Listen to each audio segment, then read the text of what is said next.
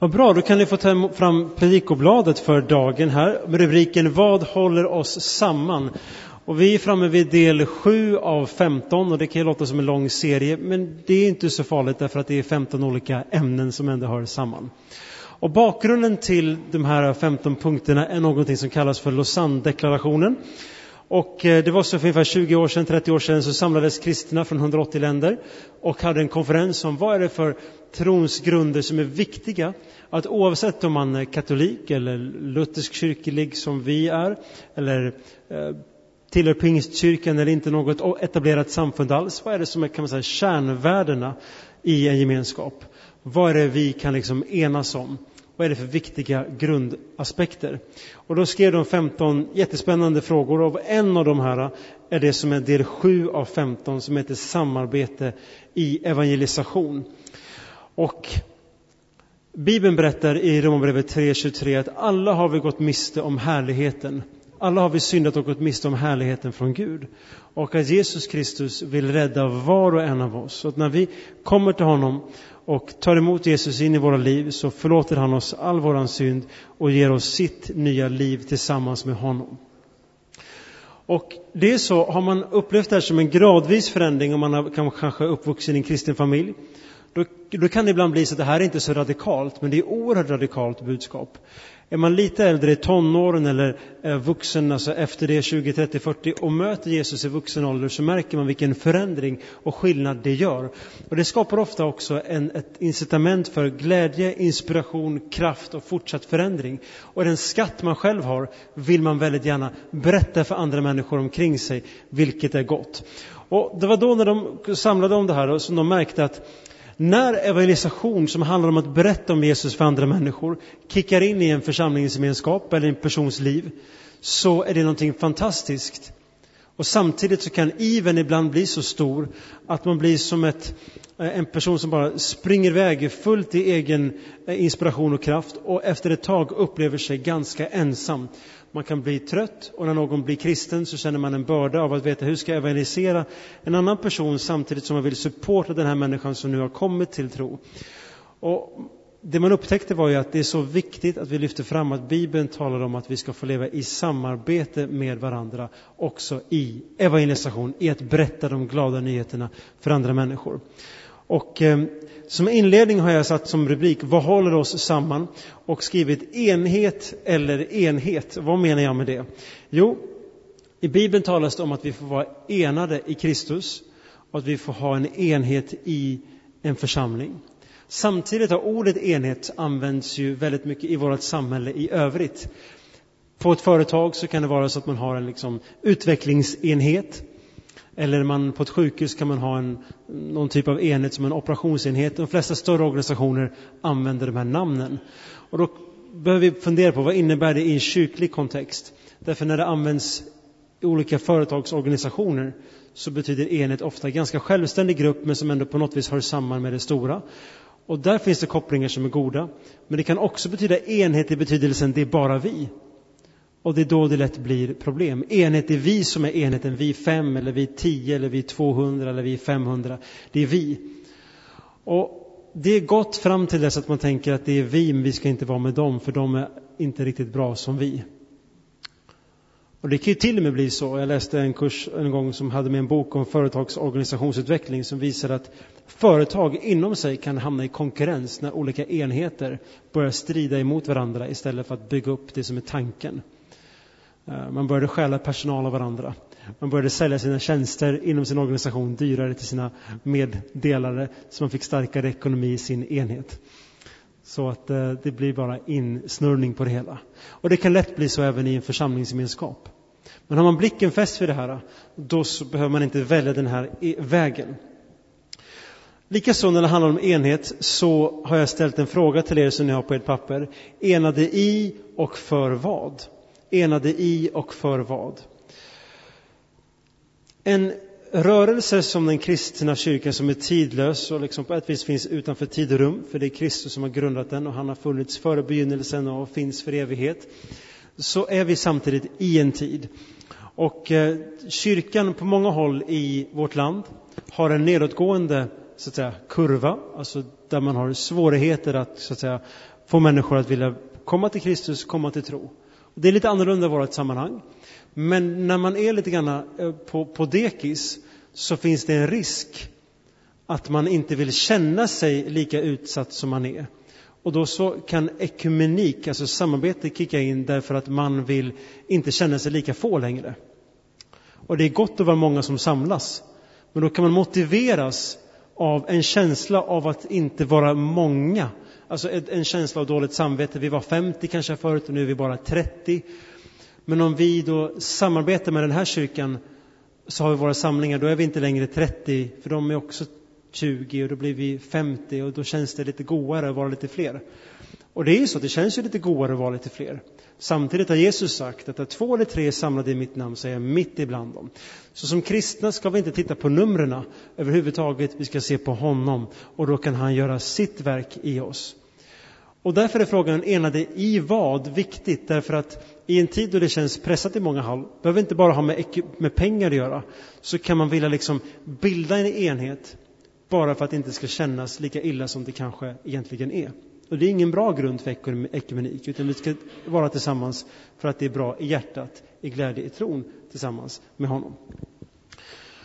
Och det här behöver man vaksam på. Även samfundet Svenska kyrkan som vi tillhör har ju en stor enhetsprocess där man har gått ifrån åtta församlingar i Örebro, i Örebro till ett pastorat som man kallar det, där åtta församlingar kan samarbeta.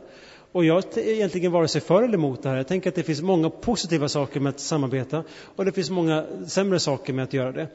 Men frågan är, hur kan vi supporta varandra i att leva vårt liv tillsammans med Kristus? Och det är den spännande frågan och det är den frågan som också skapar förändring och liv. Nu ska jag komma in i själva syftet och predikan här. Jag har skrivit som punkt ett att evangelisation skapar lätt splittring. Evangelisation skapar lätt splittring. Hur kan det vara så? En vän till mig gav mig en jättebra liknelse tyckte jag om vad evangelisation var. Och det fick mig att bara känna att mycket av prestationskrav som fanns i min tillvaro släppte. Han sa så här. Evangelisation, att dela Kristus för människor som ännu inte känner honom. Det är att man är, som en, man är själv som en tiggare som hittar en plats där det finns mat och mat i överflöd. Så man berättar för sina andra tiggarkompisar att där finns det mat. Bibeln berättar att, att tron på Gud är en gåva. Och bara för att jag delar med mig av den till andra så sinar inte den. Utan den växer när andra människor får delta. Och man kan förstå evangelisation som att ja, men det är att jag i tider, passande situationer jag hamnar i, låter min tro få synas på ett sätt som fungerar med min personlighet, ledd av den helige Ande, så ordnar sig det mesta därutöver. Men det skapar samtidigt lätt splittring. Väldigt många av de kristna rörelser och samfund som finns kommer ganska ofta ur en känsla av evangelisation. Hur kommer det sig? Därför att en del människor får upp ett ljus, att man vill dela sin tro och så vill man göra det och så upplever man att det sammanhanget man finns i inte vill det lika mycket som en själv. Det leder till en punkt där man känner att här kan jag inte vara kvar. Det blir en negativ känsla inombords som gör att man bryter sig ut och bildar någonting annat. Och så blir, växer den gruppen till. Ofta, ofta finns det en stark karismatisk ledare som känner en passion, som drar med sig andra människor, folk kommer till tro och det bildas en församling. Det kan gå 30, 40, 50 år, så händer samma process där igen. Det finns en negativ aspekt i det här, det är när det blir en splittring, det vill säga man är i ett sammanhang, man har en iver att dela sin tro, man tycker inte andra omkring en förstår det lika mycket. Man blir besviken och ledsen och man ger sig av. Mycket bättre situation, det är att man kan tänka att det här sammanhanget vill jag välsigna, men då har man en annan kallelse, jag har fått en egen kallelse kanske i det här sammanhanget, och man lämnar det i frid i så fall, då skapar man ingen, ingen splittring. Men Jesus, han pratar om enhet och så säger han så här i en text jag nu vill förläsa för er. Men jag vill få ge er blicken på en, en, en, en mening här. Att de, du och jag, ska få hans, Jesu, min glädje helt och fullt. Jesus vill ge oss sin glädje helt och fullt i vår tillvaro. Över att ni vänder blad så ska jag få läsa en bibeltext för er. Från Johannes evangeliet 17, 11-23. Jesus håller på att förbereda sina lärjungar på att han ska lämna jorden. Han ska, han ska dö på korset för våra synders skull. Han ska uppstå så vi får förlåtelse och försoning och evigt liv. och han ska sedan återvända till himlen. Och han förbereder sina lärjungar nu på att, så att säga, förstå att om än han lämnar dem så lämnar han dem inte utan han kommer be för dem och han ska sända sin helige andes kraft. Och så pratar han om enheten här. Det här är en bön som vi kommer in. Han ber nu till, till Gud Fadern i himlen. Jag, säger Jesus, är inte längre kvar i världen. Men de, det vill säga vi i förlängningen, är kvar i världen. Och jag kommer till dig. Helige Fader, bevara dem i ditt namn, det som du har gett mig, så att de blir ett, liksom vi är ett. Medan jag var hos dem bevarade jag dem i ditt namn som du har gett mig. Och jag skyddade dem och ingen av dem gick under utom undergångens man, ty skriften skulle uppfyllas. Men nu kommer jag till dig. Men detta säger jag medan jag är i världen för att de skall få min glädje helt och fullt. Jag har gett dem ditt ord och världen har hatat dem därför att de inte tillhör världen, liksom inte heller jag tillhör världen. Jag ber att inte att du ska ta dem ut ur världen utan att du ska bevara dem från det onda. De tillhör inte världen, liksom inte heller jag tillhör världen. Helga dem genom sanningen, ditt ord är sanning. Liksom du har sänt mig till världen har jag sänt dem till världen och för deras skull helgar jag mig till ett offer, för att också de ska helgas genom sanningen. Men inte bara för dem ber jag, utan också för alla som genom deras ord tror på mig. Jag ber att alla skall bli ett och att liksom du, Fader, är i mig och jag är i dig, också de skall vara i oss. Då skall världen tro på att du har sänt mig. Och den härlighet som du har gett mig har jag gett dem för att de ska bli ett och för att vi liksom är ett, liksom vi är ett. Jag i dem och du i mig. De ska fullkomnas och bli ett. Och då ska världen förstå att du har sänt mig och älskat dem så som du har älskat mig. Det är en helt fullmatad text om enheten och Guds kärlek och Guds kärlek för skapelsen, för sina lärjungar och hur han tror och tänker och menar Jesus här. Att om de bevarar sin enhet så kommer de få bli beskyddade. De kommer få min glädje helt och fullt. De kommer vara bevarade från det onda. De kommer helgas och de kommer få uppleva lite av den gemenskapen vi upplever, säger Jesus, mellan Fadern och Sonen. Så evangelisation skapar lätt sprittling därför att det som händer där är att det blir ofta en kraft och en iver. En person känner ofta en, eh, eh, eh, en, en stark längtan att få dela sin tro. Den gör det. Någon kommer till tro. De kommer in i ett sammanhang som kanske inte är förberett för det. Man upplever en besvikelse och så är bollen igång. Men det behöver absolut inte vara så och det är inte alls tänkt att vara så. Evangelisation är bland det mest glädjefulla man kan ägna sig åt. Ni ser en bild till höger på en liksom, räls som går upp till himlen har jag tänkt här. Och ni ser min andra punkt, det står att evangelisation plus dröm med en konflikt, med ett hinder leder till en konflikt. Vad menar jag med det? När man har mött Jesus, på något vis så finns det en längtan att få dela Jesus med någon annan.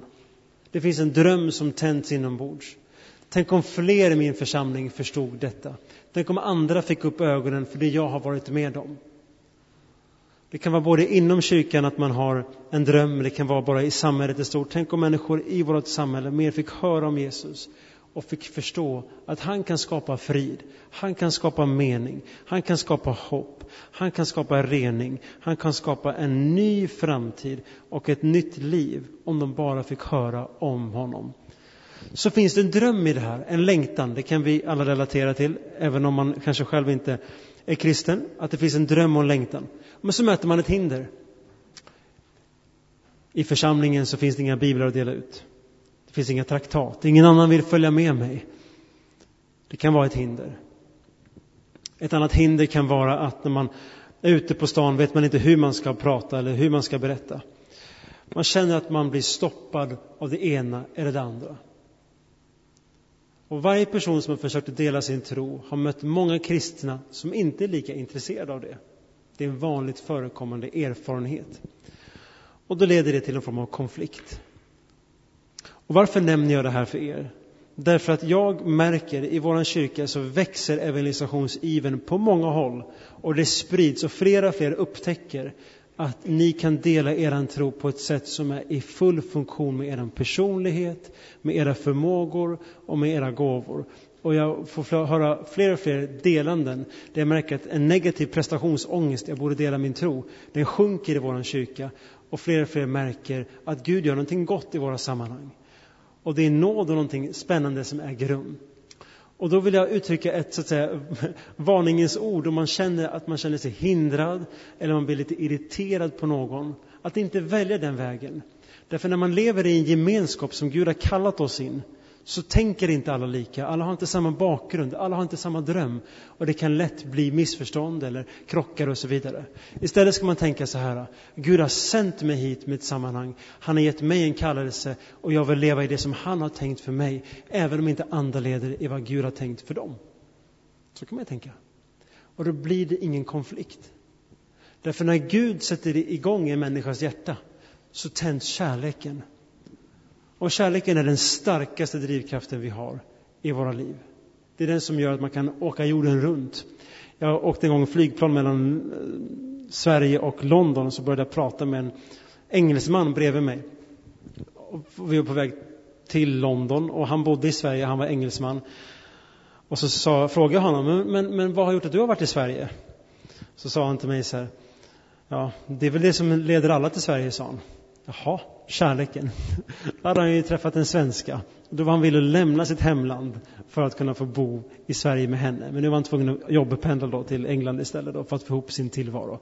Kärleken är en sån stark kraft. Och när vi möter Guds kärlek, det finns ingen starkare kraft. Människor är villiga att liksom offra hela sitt liv, sina karriärer, sina inriktningar i koppling till det här. Så när det växer, så växer spänningarna om man inte tar och ställer sig frågan som finns innan här. Det här är en fråga till er som har någon form av evangelisationslängtan, dynamik och, och utbredande. Och det är följande. Utvidgar jag mitt rike för Gud eller utvidgar jag Guds rike? Utvidgar jag mitt rike för Gud eller Guds rike? Jag ska inte gå för djupt in i det här, för det har inte jag tid för, men jag vill väcka tanken hos er. Jag har märkt för min egen del, när jag kan få idéer, tankar, och ni som träffar mig ofta vet att jag ofta kommer på idéer. Får liksom, vad, vad tänker ni om det här och vad tänker ni om det här? Vi är lite olika lagd på det viset. Men när jag får en idé, om, jag, om den idén om jag liksom inte möts upp, då kan jag bli lite mer frustrerad. Särskilt om jag tycker att det är en bra sådan.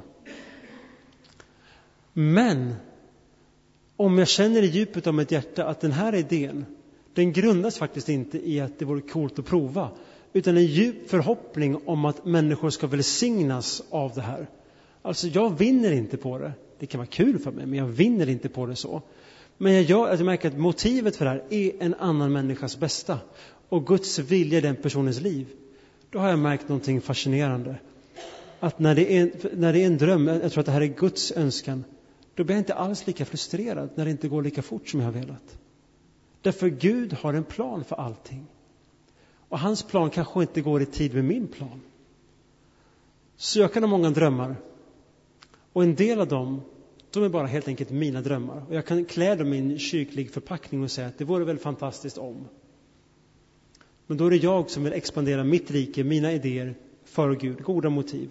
När någon annan hindrar mig är det lättare att bli frustrerad. Men om jag faktiskt märker det inombords, men det här är för andra människors bästa och jag tror att Gud vill det här, att det är i enlighet med hans ord. Då när jag blir hindrad, då blir jag inte frustrerad mot andra människor på samma sätt, för Gud har allting i sin hand. Och här finns en skillnad och den är viktig att åtminstone grunna på.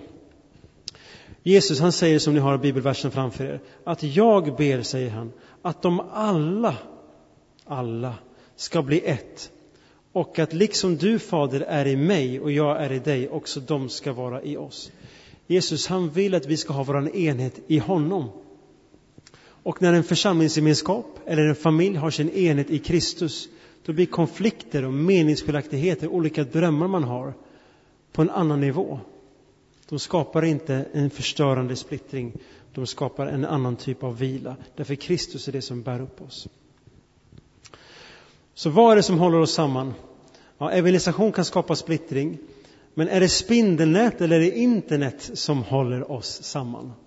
Är det spindelnät eller internet som håller oss samman? Paulus han skriver så här i Efesierbrevet 4. Att sträva efter att med friden som band bevara den andliga enheten. Och notera där att om det var självklart att alla kristna var sams i alla lägen, då hade han inte behövt skriva den där meningen. Men han uppmanar oss att sträva efter att med friden som band bevara den andliga enheten. Varför då? För om det är frid så finns det utrymme för fler att kunna vara med bland annat. Vi kan ha möjlighet att dela Kristus till var och en som har behov av det. Om vi har frid är vi mer benägna att vilja bära varandras bördor, supporta varandra, be för varandra, hjälpa till, undervisa och ge varandra glädje. Vad menar jag med spindelnät eller internet? Ja, ni ser en bild på en spindel och faktiskt, dagen här har jag valt en korsspindel, tyckte det passade bra i kyrka. Och ibland brukar man säga så här, vi behöver någon som är spindel i nätet. Jag har tyckt att det varit ett jättebra uttryck att ha någon som är spindel i nätet. Och sen så var det vår tidigare präst Emanuel som sa, alltså spindel i nätet, det är ju inget jättetrevligt ord egentligen. Vad menar du? Jag testade det här på Liselott i veckan och hon började skratta också. Vad är det man tycker är så kul med varför är det så bra med en bild om att vara en spindel i nätet? Vad är en spindel? Det är en hårig liten varelse som sätter upp ett klistrigt nät så att alla stackars djur som råkar passera den vägen fastnar, sugs upp och så fort det händer så springer spindeln dit och hugger dem med bedövande medel, surrar in dem så de absolut inte kommer åt och suger musten ur dem. Nu kommer vi få jättemånga spindlar i nätet i nästa projekt. Jag vet faktiskt inte varför vi tycker den bilden är så bra. Hela vårt land brukar man säga har en spindel i nätet. Då. Det finns andra också. Den är inte alls trevlig. Uttrycker kontroll. Och jag har mött människor, inte här, men min förra församling och andra platser, där man frågat, men är du med i någon kyrka? Nej, det, det vill jag absolut inte vara. Jag vill inte fastna där. En person när jag jobbade i en annan kyrka, han var jätteengagerad i alla möjliga saker. Han var en stor donator också, han hade mycket pengar. Men han ville absolut inte bli medlem. För han visade att blir jag medlem i kyrkan, då, då, då kommer jag hamna i den obligatoriska gruppen som alla ska hamna i. Och det var ingen som frågade om vilka som var mina gåvor och förmågor, utan då ska han bara bli insnärjd och fast och han kommer inte loss. Och han hade ju andra gåvor, han var en fantastisk evangelist exempelvis då. Och han ville inte fastna där, så han var tvungen att avstå från att gå med i församlingen för att han var rädd för att bli fast i nätet. Det, men det finns någonting kontrollmässigt hos alla människor som bara Kristus kan ge den stora friheten i. Och det är en kontroll över att styra människor och hålla fast dem och utnyttja människor för sitt egen skull. Och Jesus han säger, har ni ledarinflytande, välj inte den vägen. Han säger att den som vill vara den främste bland er ska vara den andras tjänare. Vad är en ledare för någonting? En ledare har ett enda privilegium. Att få vara ett föredöme i att tjäna. Att vilja det bästa för den personen man har under sitt ansvar, som man har fått tilldelat sig.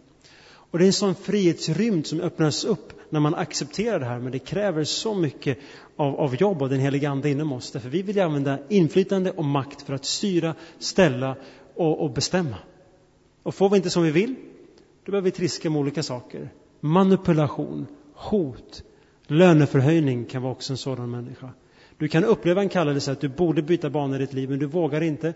Och så fort du talar om din chef om att du skulle vilja göra någonting annat i livet, så erbjuds du en löneförhöjning. Därför den chefen vill ha kvar dig för att du är en bra mjölkko i den personens verksamhet.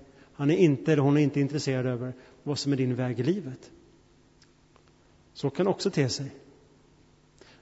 När jag var i Piteå så blev jag erbjuden att göra ett svenskkyrkligt utbildningsår.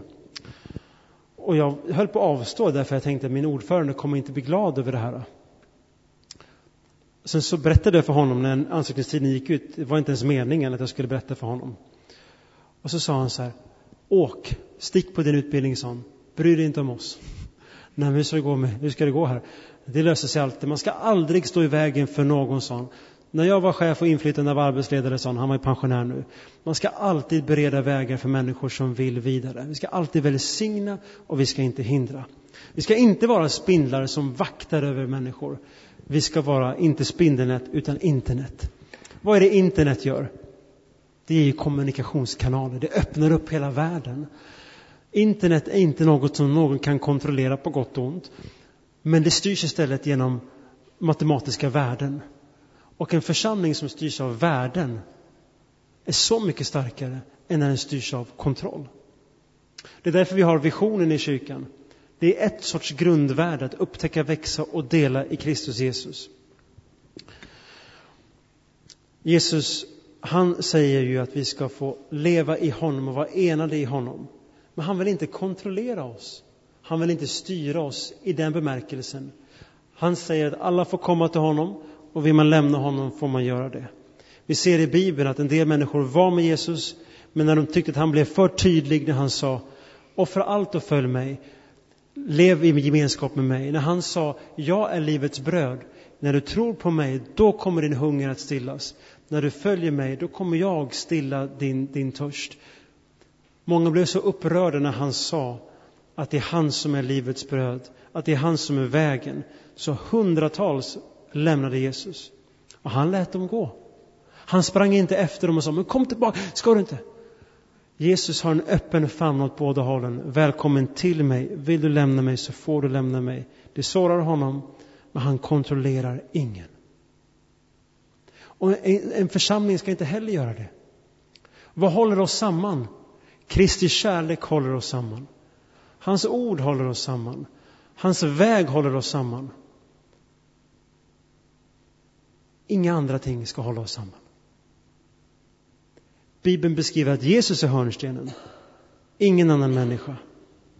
Därför har jag skrivit, lite provocerande kanske för en del, att organiserad enhet är inte detsamma som kyrkans enhet. Organiserad enhet är inte detsamma som kyrkans enhet. Däremot om man organiserar sin enhet är ju det bra, men det är en annan typ av fråga. Så därför skriver jag som en uppmaning, en uppmuntran till er, att ni ska vara för Kristus och inte emot kristna.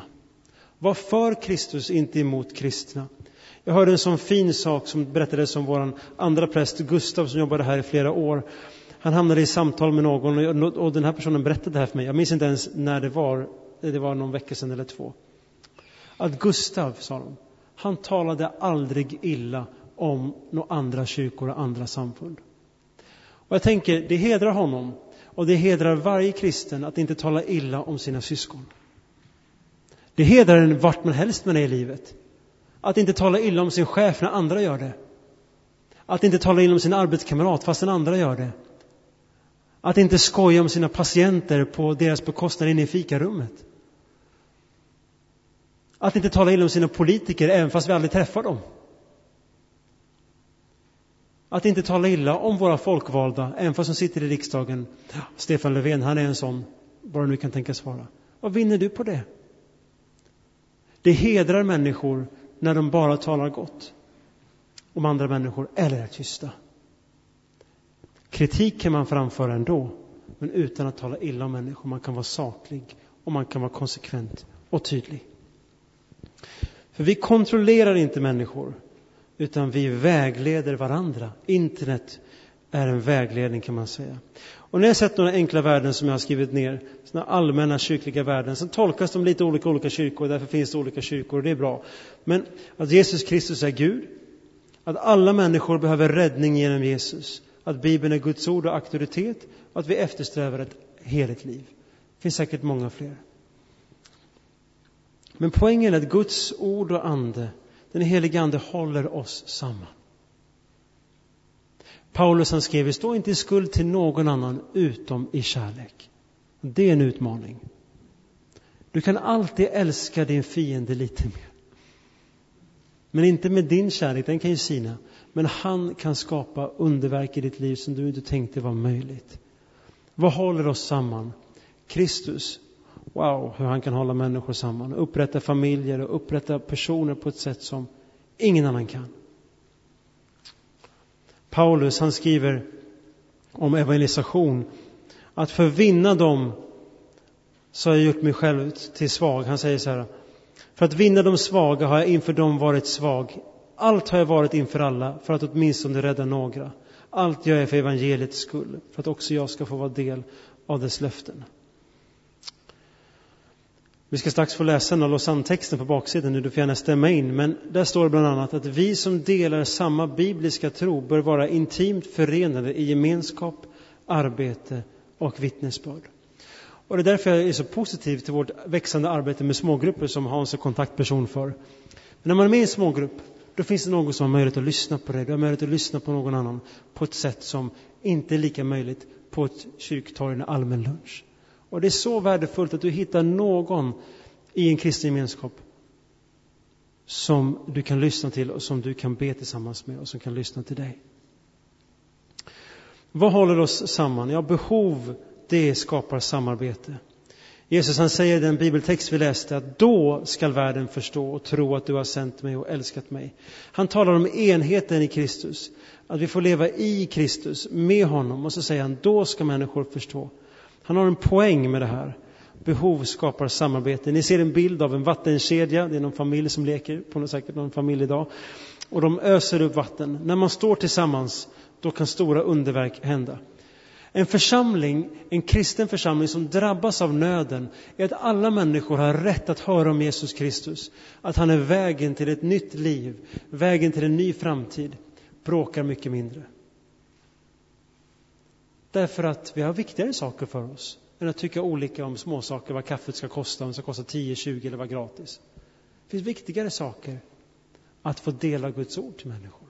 Det skapar en helt ny form av enhet. Det står i Bibeln här om Markus evangeliet 6. Jesus sa att han fylldes av medlidande med dem. Han tittade ut över människorna, han fylldes av medlidande med människor. För de var som får utan herde och han undervisade dem länge. Om du tycker det här är spännande så läs hela texten i sitt sammanhang. För det som händer är att han och hans tolv lärjungar, de har begett sig av på en retreat, de ska vara själva några dagar för de är så utarbetade. Så kommer de i land på den platsen, de ska ta det lugnt och vila. Andas ut och andas in. Nu ska de satsa på varandra. Så står det massor med människor där. Det var inte planerat. Det här passar inte in i våran kalender. Det här passar inte in i våran budget. Det här hade vi inte tänkt att vi skulle planera med. Så står det människor där. Så står han fylldes av medlidande. Och medlidande är en kraft till förändring. Till stor förändring. Och vet ni, man kan också få medlidande med sig själv. Och känner att jag orkar inte med det här bekymret eller problemet eller beteendet hos mig själv. Och när man känner medlidande med sig själv, då kan Kristus göra helt nya underverk i livet. I Bibeln berättas det att så älskade Gud världen att han gav det sin enda son. Alltså, det var för att Gud älskade oss som han sände Jesus. Alltså kärleken till människor motiverar oss att dela Jesus med andra och med varandra. För det är så viktigt att ta risken. Kärleken är motivationen och har man ingen kärlek, men då kan man ta det lite försiktigt. Man ska inte göra någon form av andligt övergrepp på sig själv och, och gå in i saker man inte vill. Jag vill för att ta ett exempel som jag tycker är så fantastiskt om just evangelisation och det är vårt alfarbete på, på tisdagar. Och nu ska jag försöka här nämna upp lite namn, eh, bara för att ni ska förstå sammanhanget. Alfa är vårt organiserade evangelisationskurs vi har på, på tisdagar. Och i det sammanhanget då finns Lisa, Petro, Kristoff, Matti, Kristina, Barbro. Det är sex stycken personer som tillsammans gör det här möjligt. Och när man är sex personer då är det några som lagar maten, det är några som sköter det sociala, det är Matte och Kristina som leder själva samtalet, men allt runt omkring skapar kraften.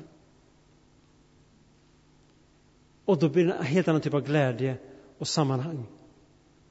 Men så finns det en grupp till för sammanhanget och det är alla ni som bjuder in människor till, till deltagande att vara med i de här kurserna. Och då skapas liv. Och det är så mycket mer välbefinnande att stå tillsammans med andra människor, men ibland kan det också vara frustrerande. Och då kan man välja, jag vill gå Kristus väg, han vill att vi ska få gå enhetens väg och då händer någonting stort. Snart flyttar Immanuelskyrkan hit. Jag tycker det är väldigt positivt därför att helt plötsligt kommer vi in till kyrkan på Sörbyängen som kommer dela sitt ord. De kommer säkert vara supertaggade när de kommer hit med kampanjer i området, inbjudningar och fikan på gator och torg. Och då vill jag att när ni, när ni ser det, bli inte oroliga, rädda. Oj, vad kommer de ta folk härifrån? Utan bara vara glad att Gud sänder människor. Och om någon av er vill gå över till Immanuelskyrkan, ja, välkomna, gå dit. I, dörren är öppen åt alla möjliga håll. Kontrollera ingen, älska Kristus och, och fokusera på honom. Och det kommer gå på ett helt annat sätt. Gud binder inte upp någon. Han håller alla fria, fria att följa honom och leva i gemenskap med honom. Man kämpar sida vid sida ändå. Och så är det. Så vi, ska, vi fortsätter be för dem och välsigna dem. Och en del av er, ni håller på att förbereda relationsutbyte och kören har haft konserter med dem och så vidare. Så vi välkomnar dem som våra vänner, på riktigt. Jag längtar tills de kommer hit, bland annat. Paulus han säger att ni sida vid sida kämpar för tron på evangeliet. Så som avslutning vill jag bara lyfta fram det jag sagt ett par gånger. Att Jesus Kristus är enheten. Han är enheten i ditt liv. Om du vill få enhet i ditt liv, en helhet i ditt liv. Bibeln berättar, och jag har funnit, att Jesus är enda vägen till sanning och ljus och frid. Bara han. Och i en församling så ska vi låta det också få vara våran, vårat riktmärke. Jesus som säger, låt ditt ord är sanning. Och så avslutar jag med ett bibelord från Efesierbrevet 1, vers 7. Där Paulus säger att i honom, i Jesus, genom hans blod har vi friköpts och fått förlåtelse för våra överträdelser. Jesus håller allting i sin hand. Amen. Om ni vänder bladet får ni gärna stämma in i den här Lausanne-deklarationstexten och, eh, som vi ska få läsa tillsammans. Som på sina, sitt språk försöker uttrycka det jag har predikat om. Vi hävdar att Kristi kyrkas synliga enhet i sanningen är Guds vilja. Evangelisationsuppdraget kallar oss också till enhet därför att vår enhet sträcker vårt vittnesbörd medan splittring underminerar vårt evangelium om försoning. Vi erkänner dock att organisatorisk enhet kan ta många former och främjar inte nödvändigtvis evangelisationen. Men vi som delar samma bibliska tro bör vara intimt förenade i gemenskap, arbete och vittnesbörd. Och vi bekänner att vårt vittnesbörd ibland har tagit skada av syndfull individualism och onödigt dubbelarbete. Och vi kommer nu överens om att söka en djupare enhet i sanning och helighet, gudstjänst och mission. Vi vill därför påskynda utvecklingen av ett regionalt och funktionellt samarbete som befrämjar församlingens mission, strategisk planering, ömsesidig uppmuntran och ett utbyte av resurser och erfarenhet. Amen. Herre, vi tackar dig för att du är vår enhet. Du är världens kristnas enhet och världens grund, Herre. Och vi ber om att du bara får fortsätta välsigna människor i vår församling, i vårt område och hela våran stad. Tack att du drar människor till dig. Herre, vi tackar dig för att du gör ditt verk i våra liv. I Jesu namn. Amen.